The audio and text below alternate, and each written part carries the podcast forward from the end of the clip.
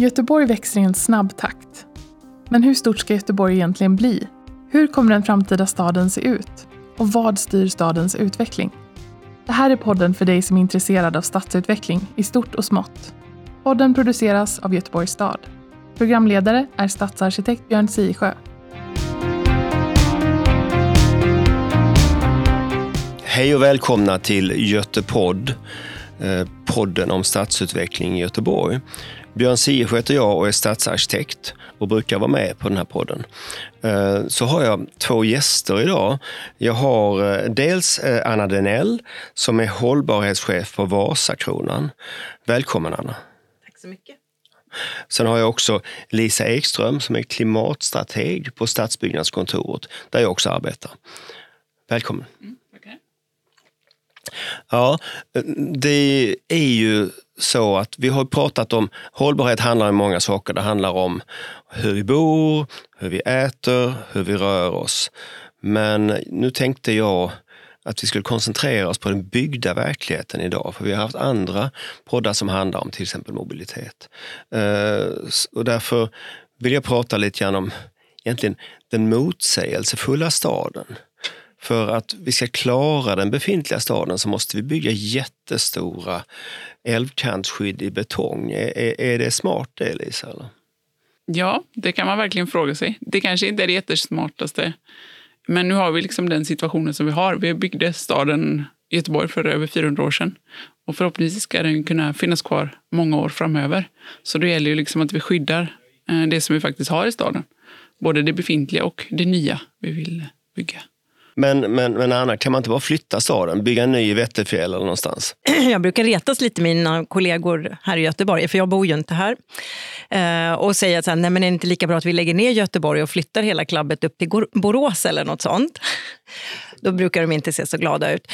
Nej, men eh, en, en sån flytt av hela Göteborgs eh, stad skulle ju innebära enormt stora konsekvenser, både ur ett finansiellt perspektiv, miljömässigt perspektiv och eh, socialt perspektiv, alltså för alla människor som bor och vistas här. Så jag tror att den tanken, även om den kanske känns enkel från början, inte är rimlig att överhuvudtaget tänka med tanke på konsekvenserna.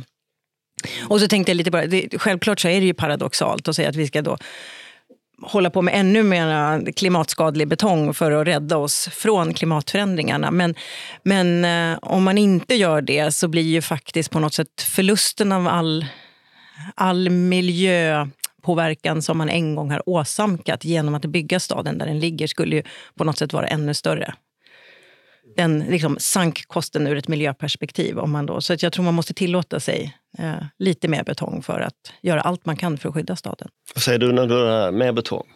Ja, men precis. Och allt kanske faktiskt inte behöver vara betong. Det kan ju faktiskt vara så att man utformar de här högvattenskydden av alltså en gräsvall, eller en upphöjd gång och cykelbana eller ett schysst trädäck eller något annat. Så allt behöver inte heller vara betong. Liksom. Nej, och en sak jag har tänkt på, skulle man inte kunna... Det händer ju att man demonterar hus för att de av någon anledning inte längre fyller en funktion på platsen. Eller det skulle också kunna vara så att den, eh, huset ligger fel ur ett klimatförändringsperspektiv. Och om man eventuellt skulle kunna bygga vallar och på något sätt skydda med då gamla husbjälklag.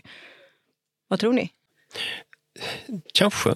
Kanske. Eh, det är så. Då får man täta med lera och sådär. Då får, det får det vara vallar med sneda kanter. Mm. Och det går säkert på en hel del ställen. Mm. Ja, men precis. Det kanske inte är en helt fel idé. Men, att, men att, testa tanken i alla fall. Mm. Och kanske också snyggt för att faktiskt återföra det som vi ändå har lagt ner en gång i tiden um, till Göteborg också. Mm. Ja, men jag, ska, återkomma. jag spelar lite dum när jag frågar kan vi inte flytta staden, för det vet jag också att vi inte kan. Men det är ju så att vi har ju en, en samlad byggbransch i Göteborg som just nu går för, på högvarv för att bygga ut staden. Då klarar vi mellan 1 och 1,5 procent av stadens redan existerande hus eller byggnadsvolym eh, per år. Det betyder att det skulle ta mellan 70 och 100 år att bygga Göteborg på ett annat ställe. Och samtidigt så bortser man då från det faktum att vi behöver den byggbranschen för att bygga ut staden i och med att staden växer, det kommer till fler göteborgare. Eh, så det, vi kan väl avfärda det här med att flytta på stan då. Kan vi mm. Ja, men precis. Jag tänker också att vi har ju redan liksom lagt ner väldigt mycket resurser och alltså ur ett hållbarhetsperspektiv också på den staden som vi redan har. Så då borde vi också liksom faktiskt satsa på att kunna bevara den eh, ett tag till i alla fall. Ja, och det, man pratar ju om cirkularitet i byggsektorn. Apropå det. Vad är det? Är det runda hus? Där? Nej, men det är just det jag var inne på alldeles nyss, att återanvända mera eh, och att kanske eh, använda mera förnybara material. Du var inne på att man kan använda trä också kanske för olika typer av klimatanpassningsåtgärder. Det är en annan del av den cirkulära ekonomin. Eller material som är tillverkade av återvunnen råvara. Men det allra viktigaste tycker jag när man pratar om byggnader och cirkularitet, inte runda hus då, är ju faktiskt att fundera på om det inte går att använda de befintliga husen mer effektivt. För väldigt många hus står ju tomma en stor del av tiden. Vi gjorde redan innan pandemin en studie över kontorshus och då kom vi fram till att eh, våra hus är faktiskt bara använda ungefär 10% av tiden. Om man ser till dygnets alla timmar och alla dagar i veckan. Och det är inte så konstigt. Jag menar, det är rätt naturligt att kontorshus är rätt tomma klockan tre på natten. Men det är ändå så att man på något sätt väcker det en tanke. Men finns det inte något sätt att försöka fylla husen med lite mer verksamhet? Eh, med tanke på att det går åt ungefär ett ton material för att bygga en kvadratmeter kontorshus. Om man använder betong i alla fall. Är det helt enkelt för billigt med i alla fall kontorshus? Uh, ja, nu är det väl till och med ännu lite dyrare att bygga kontor än bostäder om det var, om det, var det du var inne på. Uh, men det jag tror framför allt är väl att vi betalar ju inte det fulla miljöpriset av att bygga oavsett om det är kontor eller verksamhet, någon annan typ av verksamhetslokaler eller bostäder. Så att på något sätt någon form av pris eller beskattning av naturresurser skulle behövas. Och det skulle verkligen driva på det cirkulära byggandet. Ja, för då skulle det bli dyrare även i kronor och ören. Mm. Är, är det för billigt, Lisa, det vi bygger? Ja, det är en jättebra fråga. Det, det beror nog på vilket perspektiv man tänker på. Ja, alltså jag, många blir nog oerhört provocerade av att höra mig säga att jag, jag, tycker att det är för billigt att bygga. För det är väl det vi pratar om mest i det här landet, att det är för dyrt att bygga bostäder och därför det byggs för lite bostäder. Men ehm, på något sätt så är det ju faktiskt, och med tanke på hur vi bygger i alla fall, så anser jag att vi betalar ju inte det fulla priset av vad materialen egentligen kostar. I form av både CO2-utsläpp, förlust av biologisk mångfald och eh, utarmande av eh, olika typer av ekosystemtjänster. Kanske inte alltid här i vår närhet, men på andra ställen. Så vi kör en halv springnota och, och de som betalar är kommande generationer? Då, eller? Ja, och, och eh, människor som lever på andra platser på den här planeten redan nu. Ja, de betalar, det är inte bara kommande generationer. De betalar vår nota redan nu. Mm, ja, det gör de. Gör. Mm. Nej, och, det, och, ibland så kan man ju fundera på om också ytorna på något sätt är lite felallokerade. För att jag håller absolut med om att det behövs fler bostäder. Men jag är inte övertygad om att det därmed behövs fler kvadratmeter, alltså bebyggda, eller ja, byggda kvadratmeter. Utan det kanske är så att eh, vi som sysslar med kontor kan tränga ihop våra hyresgäster lite mer. Och så blir det liksom kvadratmeter över som skulle kunna lämpa sig för att konvertera. Men där ser jag tyvärr att det finns en hel del lagstiftning som hindrar det eller försvårar det väldigt mycket. Och att, det, att det, vad vi var inne på vad det kostar att bygga, att det faktiskt är dyrare att bygga om ett gammalt kontorshus till bostäder eh, än att bygga nytt från grunden. Ja, just det. Så det hindrar ju också att man... Ibland så är det ju helt omöjligt att bygga om gamla kontorshus till kontor. Eh, var, ni, ni river ju ett hus här ute mm. på, eh, på eh, kvarteret Kromet mm. för att bygga ett nytt. Mm. Varför gör ni det då? Ja, huvudskälet där är faktiskt klimatförändringarna. Det huset ligger för lågt i förhållande till framtida gatunäts eh, eh, vad ska man säga, höjdnivåer. Så det är ett skäl. Men det andra är också att vi upplever det som en väldigt omodern produkt. Och jag drev länge tesen att vi skulle försöka bygga på och bygga ut. Eh, för det har vi en del andra framgångsrika projekt där vi faktiskt har landat i det, att inte riva och bygga nytt utan försöka behålla det befintliga men kanske ändå kunna utöka eh, byggvolymen och så. Men på grund av det här med de nya höjderna som planeras från staden, som jag ju tycker är väldigt bra, eh, så blev det väldigt svårt. Eh, men då har vi å andra sidan sagt att om vi nu landar i ett så tokigt beslut, om jag får uttrycka mig så, för det tycker jag att det är, så måste vi göra allt vi kan för att eh, på något sätt miljöskadan av det ska bli så liten som möjligt. Så därför har vi ett mål om att 100 procent av byggmaterialet som vi där demonterar ska återbrukas. Lisa, vad är det här för nya höjder då? Var inte de gamla bra? Eller? Nej, men precis. Nej, men vi har ju planeringsnivåer som vi liksom har satt som lägsta nivåer Eh, för staden som vi ska ha våra byggnader och eh, byggnadsfunktioner. Så det är ju liksom en lägsta nivå eh, kontra havet. Och de vi har nu, de är ju framtagna med de scenarios som finns idag. Ehm, så får vi se, och vi har ju redan reviderat dem i alla fall en gång, så vi får se om vi behöver revidera dem igen. Hur högt är vi uppe nu då? Ja, men nu om man tänker på liksom en vanlig byggnad, kanske en kontorsbyggnad, då, så är det plus 2,8 som vi har som lägsta nivå mm. idag. Mm. Men för samhällsviktiga verksamheter så har vi ännu högre mm. höjder som vi har liksom satt som krav. Och det kan ju som sagt ställa till det när man planerar i en befintlig miljö. Att man, att man kanske behöver hissa upp entréerna eller, eller på något annat sätt liksom klimatanpassa just en specifik byggnad. Lisa, du pratar om scenarier, du pratar om en höjning i meter och sådana saker. Vad är det för scenarier vi pratar om och varför, varför sätter vi just de siffrorna? Ja, men precis. Alltså, lite beroende på hur vi fortsätter att agera idag, egentligen med de utsläpp som vi har av växthusgaser, alltså koldioxid eh, mestadels, då, så ser man att havet kommer stiga och det kommer stiga olika mycket beroende på hur mycket växthusgaser som vi släpper ut. Så om man tar ett värsta scenario som man har liksom satt upp, eh, IPCC, då, eh, FNs klimatpanel, har ju tagit fram en hel del scenarier hur man, eh, ja, men vilka liksom havsnivåförändringar man kan se beroende på utsläppsgrader eh, av växthusgaser framöver. Så om man går på ett värsta scenario, och tyvärr så är väl kanske lite åt det som vi fortsätter att agera ut efter idag, alltså vi fortsätter släppa ut väldigt mycket växthusgaser, så kommer liksom havet stiga. Eh, och det stiger liksom mer och mer ju längre tiden går. Och, och, nu idag så har vi liksom en planeringshorisont som är fram till 2100. Eh, och då ser vi att i Göteborg så kommer medelvattennivå eh, stiga med ungefär 80 centimeter i ett värsta scenario. Men lyckas vi hålla nere våra utsläpp, men då kanske vi inte alls behöver räkna med så stora eh, havsnivåhöjningar framöver. Just det. Och havet höjs för att?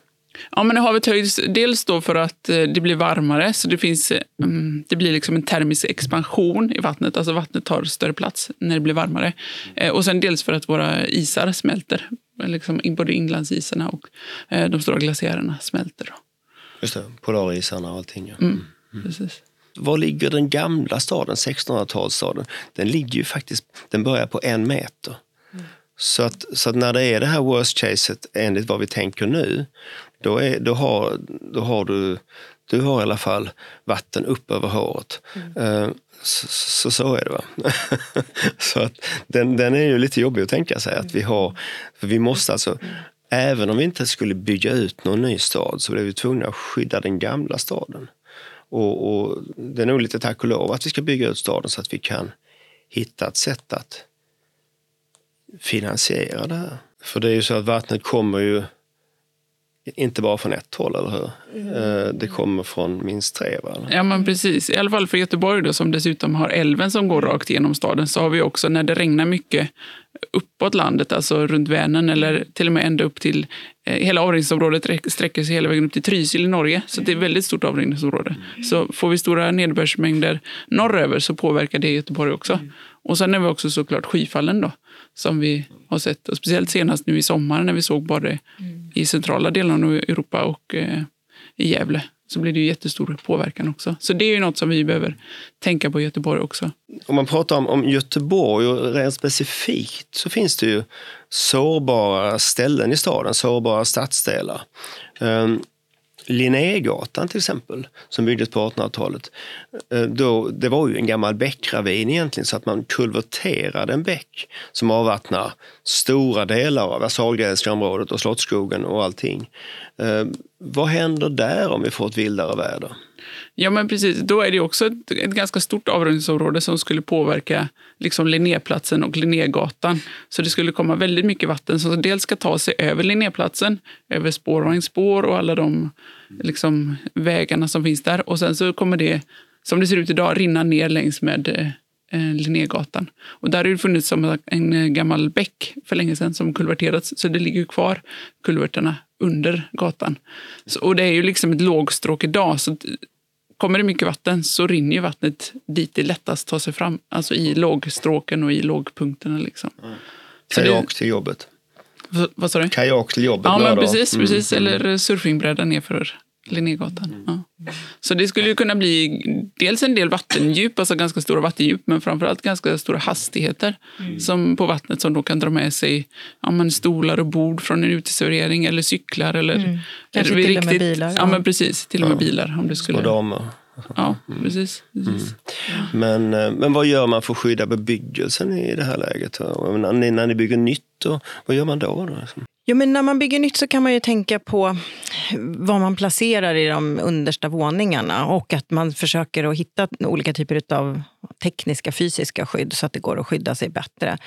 Men ja, jag tror också att i vissa lägen måste man ju inse att det här är någonting vi kommer att behöva vänja oss vid. Men, men som sagt, vi, planerar, vi, vi lägger ju inte längre viktiga tekniska utrymmen till exempel i källarvåning eller om, om, på bottenvåning om det är ett sånt läge. Servrarna ligger inte i källaren längre. Nej. Men jag tänker att den viktigaste saken är väl kanske att inte placera byggnader faktiskt i de här lågpunkten, i de platser där vi ändå ser att det här är ett problemområde. Det kanske är bebyggt av just en anledning till att det riskerar att översvämmas. Då kanske vi inte ska bygga där utan faktiskt nyttja det till något annat. Liksom. Så det kanske ska finnas de här ja, men, luckorna i staden som vi kan nyttja till, ja, men, till massa andra aktiviteter. Liksom. Ja, men absolut. Nu refererade jag ju mera till eh, vad ska man säga, all, allt nytt vi bygger, oavsett var det ligger, försöker vi tänka på ett eh, strategiskt sätt. Men, men sen också eh, även i befintliga byggnader som vi vet står lite halvrisigt till idag. Inte bara i Göteborg, vi finns i många städer. Eh, så försöker vi liksom planera in sådana åtgärder. Man kan passa på att göra dem i samband med ordinarie underhåll eller om man ändå ska bygga om eller så. Liksom tänka till från början. För då är det inte säkert att det behöver kosta så himla mycket mer. Utan eh, ja, som sagt, någonting man kan passa på att göra i samband med att man ändå vidtar åtgärder. Den gjorda investeringen under 400 år för, i Göteborgs fall eh, som, eh, som vi inte kan... Eh, ja, delvis på grund av att vi måste tänka cirkulärt och använda det vi har. Delvis på grund av att det, det är helt enkelt för stort för att vi ska klara av det.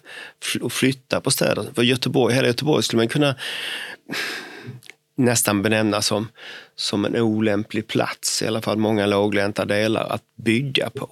Men vi kanske måste bygga i många fall ändå för att klara och göra stan tillräckligt tät för att ha en tillgänglig och, och eh, effektiv kollektivtrafik och sådär. Vad, vad, vad, vad säger ni om det resonemanget? Var hamnar vi där? Lisa, du kan börja. Ja, men jag, jag tänker också att nu har vi på något sätt, i alla fall när vi planerar för översvämningsrisker idag, så har vi liksom en planeringshorisont på 2100. Men det vi ser att så som vi agerar idag med de utsläpp vi har, så kommer ju havet inte stanna av. Alltså stigningen av havet kommer inte stanna av där, utan snarare öka. Så det är väl det som jag tänker att Göteborg har stått i 400 år. Hur ska staden kunna stå i sig 400 år till? Liksom? Då behöver vi ha eh, kanske andra lösningar, större tekniska lösningar på plats också. Ja. Absolut. Anna? Mm. Mm. Ja, men det är en bra tanke. Det är ju lätt att man stannar vid 2100 och tänker att det, det liksom tar slut där med höjningen. Men, Mm. men, men vad gör... Men tillbaka till din fråga, ja, Björn. Ja, kör. Ehm, jag tänker att jag kommer tillbaka till mitt resonemang om att vi måste nyttja det befintliga mer effektivt. Eh, vi kanske inte behöver bygga så många fler kvadratmeter. Viss, I viss mån ja. Men ehm, på något sätt försöka se till att använda de befintliga husen mer effektivt. Och sen så tänker jag att man kanske också kan bygga på de husen som redan finns.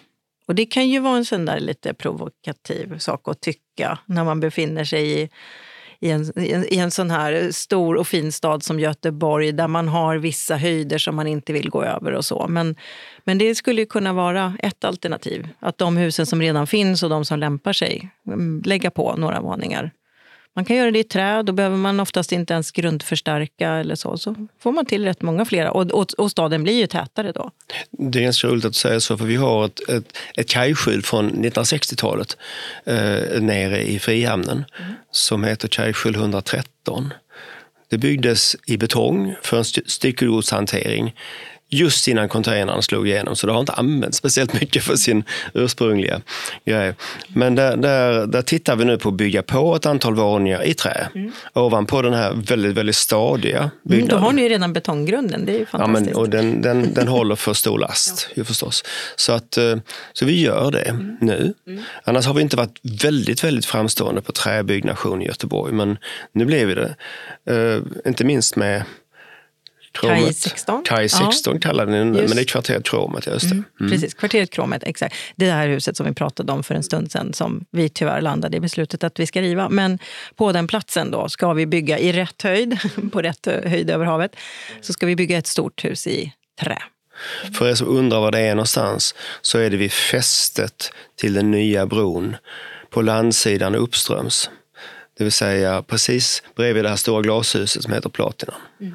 Lisa, vad är det, CO2, koldioxid, vad är, vad är det som händer när, när det finns för mycket sånt i atmosfären? Ja, men det, det skapar ju liksom att det blir, det blir varmare i atmosfären. Alltså temperaturen stiger och påverkar en massa olika fenomen. Man brukar prata om växthuseffekt. Varför säger man så? Ja, men precis. Alltså, koldioxiden är ju liksom uppe i vår atmosfär och lägger sig som ja, man kan väl säga som ett lock eller som ett skal runt jorden. Och då, liksom, då kommer ju solstrålarna in till jorden, men de kommer inte ut igen. Liksom. Ungefär som i ett växthus. Ja, men precis. Alltså värmen precis. stannar i ja. växthuset. Värmevågorna har ju en annan eh, eh, vad ska man säga, våglängd och då, de tar sig inte ut. Jag tänkte att jag skulle komma in på det lite grann som vi har varit inne på här runt det här med eh, att det finns olämpliga ställen att bygga. Eh, man kan säga att nära vattnet på många ställen i Göteborg kanske är ett så att säga olämpligt ställe att bygga. Men vi har en älvstadsvision som, som är tio år gammal här nu och den pratar ju om eh, att vi ska komma nära vattnet. Varför gör den det och hur förhåller det sig till hållbarhet? Men jag tänker att det är ju väldigt attraktivt att bo nära, eller att vara nära vattnet. Det, är liksom, det skapar något annat på något sätt. Och jag tänker också rent historiskt så har vi också alltså varit till och med beroende av vatten och vattenvägarna. Liksom. Vi måste bygga en mer sammanhängande och också en stad med mer människor för att vi inte för att vi ska kunna klara omställningen från privatbilism. För att det spelar nog faktiskt ingen roll om, om, vi, om vi har eh, elbilar. De, de, de har ganska stort fotavtryck de också för att förflytta en person. Men, men jag menar just det här motsättningen då mellan det ena och det andra. Vi har en älvstadsvision som säger bygg nära vattnet. Och sen står du här och säger att vi ska nog inte bygga på de svåraste ställena. Hur ska vi förhålla oss? Nej, men precis. Nej, det är jättesvårt, men jag tänker vi har också en hel del mark som inte ja, men som kanske inte utnyttjas till den fulla kapaciteten heller idag. Som är liksom egentligen mitt i staden, går på tvärs. Liksom. Mm. Det kanske också är så att det är kanske där man ska bygga, men då bygga smartare liksom, än vad vi har gjort hittills i alla fall. Jag ska inte säga människor i alla tider, men sen 1900-talets början så har ju liksom att bo och, och vistas nära vattnet. För vi utvecklar också eh, nya fastigheter i, i sjö och havsnära lägen på flera av våra orter. Och det är attraktivt även som kontorsarbetsplats. Så det finns ju, vi människor har ju på något sätt någon, någon dragningskraft, eller vattnet har en dragningskraft på oss. Men jag tänker att, um, återigen, man kan ju planera för vi, vi har ju ändå kunskapen nu och då går det att bygga på ett sånt sätt så att vi kanske inte blir fullt lika sårbara. Och jag kommer tillbaka till det, men man kanske måste bygga på ett sånt sätt så att det, när husen riskerar att översvämmas så blir det inte en katastrof. Och man måste tänka på människors säkerhet såklart. Men att man liksom planerar, om man nu ska bygga nytt, på ett sånt sätt så att uh, husen kan klara det. Och man, kanske måste, man kanske inte kan förvänta sig att ha sin terrass precis mot uh, älvstranden eller havet utan att husen kanske bör placeras lite både längre ifrån och högre upp. Det gör ju också att man gör själva kajerna mer tillgängliga för allmänheten. Att, att, liksom, ja, det är ju olämpligt av många skäl att bygga husen hela vägen fram till strandkanten. Så jag tror inte att det behöver vara... Sen är det dessutom så att um, de flesta dagar så kanske det inte är översvämningsrisker. Men, men alltså mer att man gör det på ett medvetet sätt tror jag då är viktigt. Mm. Det är riktigt. Och vi har ju vi jobbar med grönytefaktor och sånt som, som många städer gör nu för tiden. Det innebär i många fall att man måste göra gröna tak för att få bygga sitt hus. Eh, och det är fint. Men är det något mer än fint då, Lisa? Men jag tänker också, alltså, ju mer grönska vi kan få in i en stad, desto bättre för många olika aspekter. Inte minst för att det har en, liksom, en vattenhållande förmåga. Alltså både träd, när det liksom regnar mycket så kan ju vattnet i sig hålla en del regn. Men gröna tak kan hålla en del regn eh, också. Men sen är det också liksom klimat eller eh, temperaturreglerande. Alltså det blir inte lika varmt. Och sen också den biologiska mångfalden. Så att det, ur många aspekter tror jag att vi behöver tänka än mer grönt i staden och på, på fler platser. Inte bara tak utan kanske även fasader och liksom jobba med alla de mellanrummen som vi har. Eh, faktiskt. Inte minst då som vattenbromsar vid häftiga skyfall. Mm, eh, för att den stad vi bygger idag är väl, kan man väl säga, ganska eh, det bara sköljer över den. Liksom. Det, det, den, den fångar inte upp mycket vatten. Nej, men precis. Markens liksom vattenhållande förmåga har ju liksom, den minskar ju egentligen nästan hela tiden när vi fortsätter att och hårdgöra, alltså när vi fortsätter asfaltera eller bebygga den. Liksom. Och det är någonting som vi ser. Vi behöver liksom, för att minska översvämningsriskerna, framförallt i städerna, så behöver vi se till att vattnet kan faktiskt eh, ta hand och hålla mer vatten och inte bara att det rinner av så fort det bara går. Mm. Mm. Hur är det i Göteborg? Är det bara ett asfaltshav eller hur funkar det? Ja, men det kanske har varit ett asfalthål men vi liksom, jag tror ändå att vi är på väg någon annanstans och vi försöker jobba just med det här mångfunktionella lösningar och få in det gröna i staden. Liksom. Eh, så där jobbar man både med mångfunktionella lösningar när det gäller skifallshantering, alltså att skapa, ja, man kanske kunna ta hantera skifall på en lekplats eller på en idrottsplats eh, eller i en park. Vi jobbar, eh, nu när vi planerar för högvattenskydd längs med hela älven, så ska man också se till att hur kan det bli något annat än bara en teknisk lösning, bara en betongmur? Liksom? Kan det skapa något annat? Kan det skapa en mötesplats längs med älven? Mm. Så. Så man, varje åtgärd man gör ska, ska ha minst en handfull olika skäl. Ja, men jag tror att det är mm. jätteviktigt i, i den täta staden att vi faktiskt ser till hur kan vi skapa ett mervärde eh, på just denna platsen. Liksom. Vad behövs i detta området? Jag tänkte lite grann på det här med, med höga vattennivåer. Du, du pratar ju här om att det var att nu hade vi tre meter. Eh, men vad händer om det är fem meter om 50 år? Ska vi bygga på de där älvkantsskydden så ingen ser älven? Eller hur jobbar vi då? då? Nej, men precis. Det som vi liksom har tänkt, alltså vi har jobbat väldigt mycket med just översvämningsrisker i Göteborg, alltså om man säger de 10-20 senaste åren. Så vi vet väldigt mycket på vad vi skulle vilja göra. Eh, och det som vi ser är att vi behöver höja kanterna längs med älven, det som vi kallar högvattenskydd. Ja, men från egentligen Älvsborgsbron och så hela vägen in längs med Göta älv. Eh, och med det så kanske man på vissa ställen behöver höja liksom kanterna längs med älven på 20 centimeter. Vissa platser kanske det är uppåt en meter och vissa kanske är platser det är än mer. Speciellt de områdena som är utsatta för vågor liksom, när det kommer stormar. Eh, och då ser vi att då kan vi klara oss fram ja, men säg 50 år framåt i tiden så klarar vi oss eh, med de prognoser som finns idag på hur havet höjer sig. Liksom. Men därefter så ser vi att vi behöver någon form av större yttre skydd, eh, så som man har gjort i många andra europeiska städer som till exempel London och Sankt Petersburg och flera platser i, i Nederländerna. Alltså ett par större yttre skydd, skyddsportar som kan, när man får en förvarning att nu kommer det en storm, då stänger man de liksom, eh, portarna. Och så på så sätt då skyddar man staden. Eh, men vad händer bakom då? För då rinner ju till en massa vatten. Ja, men precis. Eh, det kommer ju fortsatt massa vatten både från Göta älv, mm. Eh, som då tur är, det finns ju liksom regleringsmöjligheter uppåt i Vänern.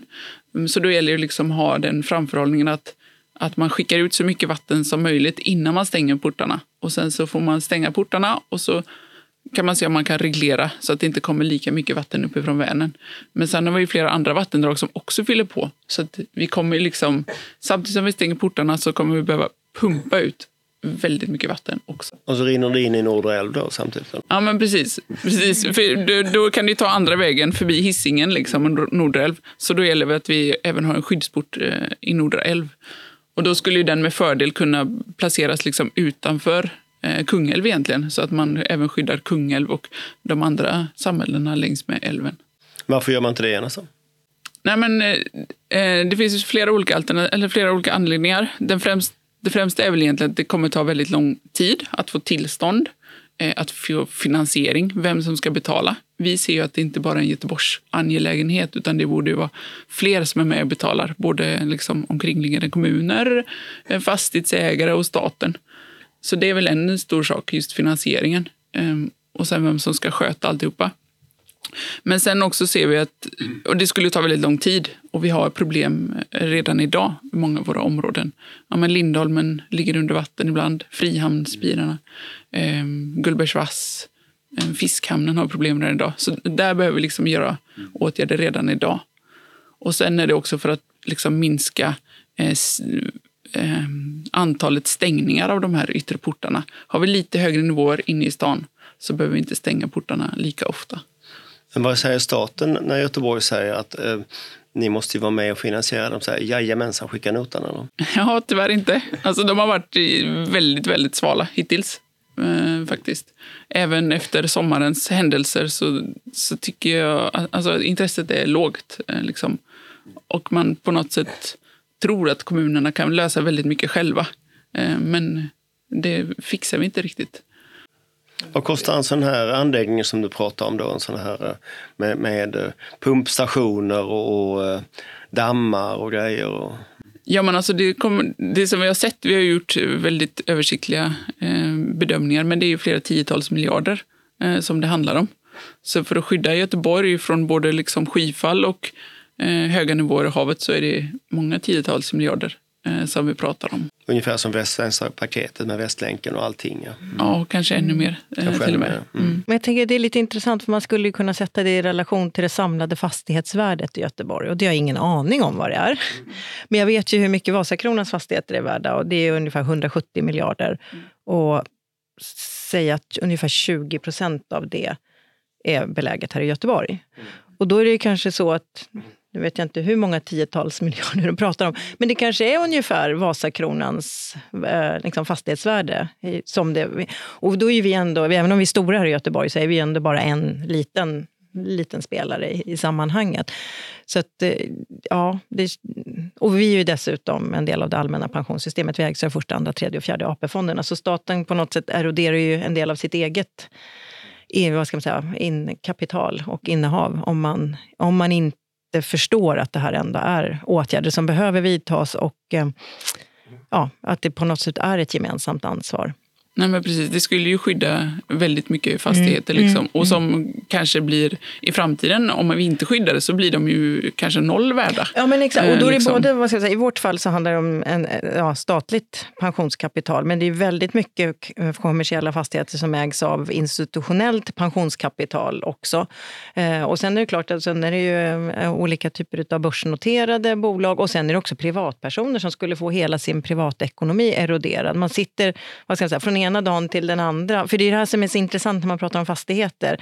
Det är ju inte, vi behöver inte vänta till den dagen huset är översvämmat faktiskt, utan det är vid den tidpunkten som alla förstår, eller tillräckligt många förstår att den här fastigheten kommer att översvämmas, så är den i princip värdelös. Och då sitter du med ett banklån på 5 miljoner och en värdelös fastighet.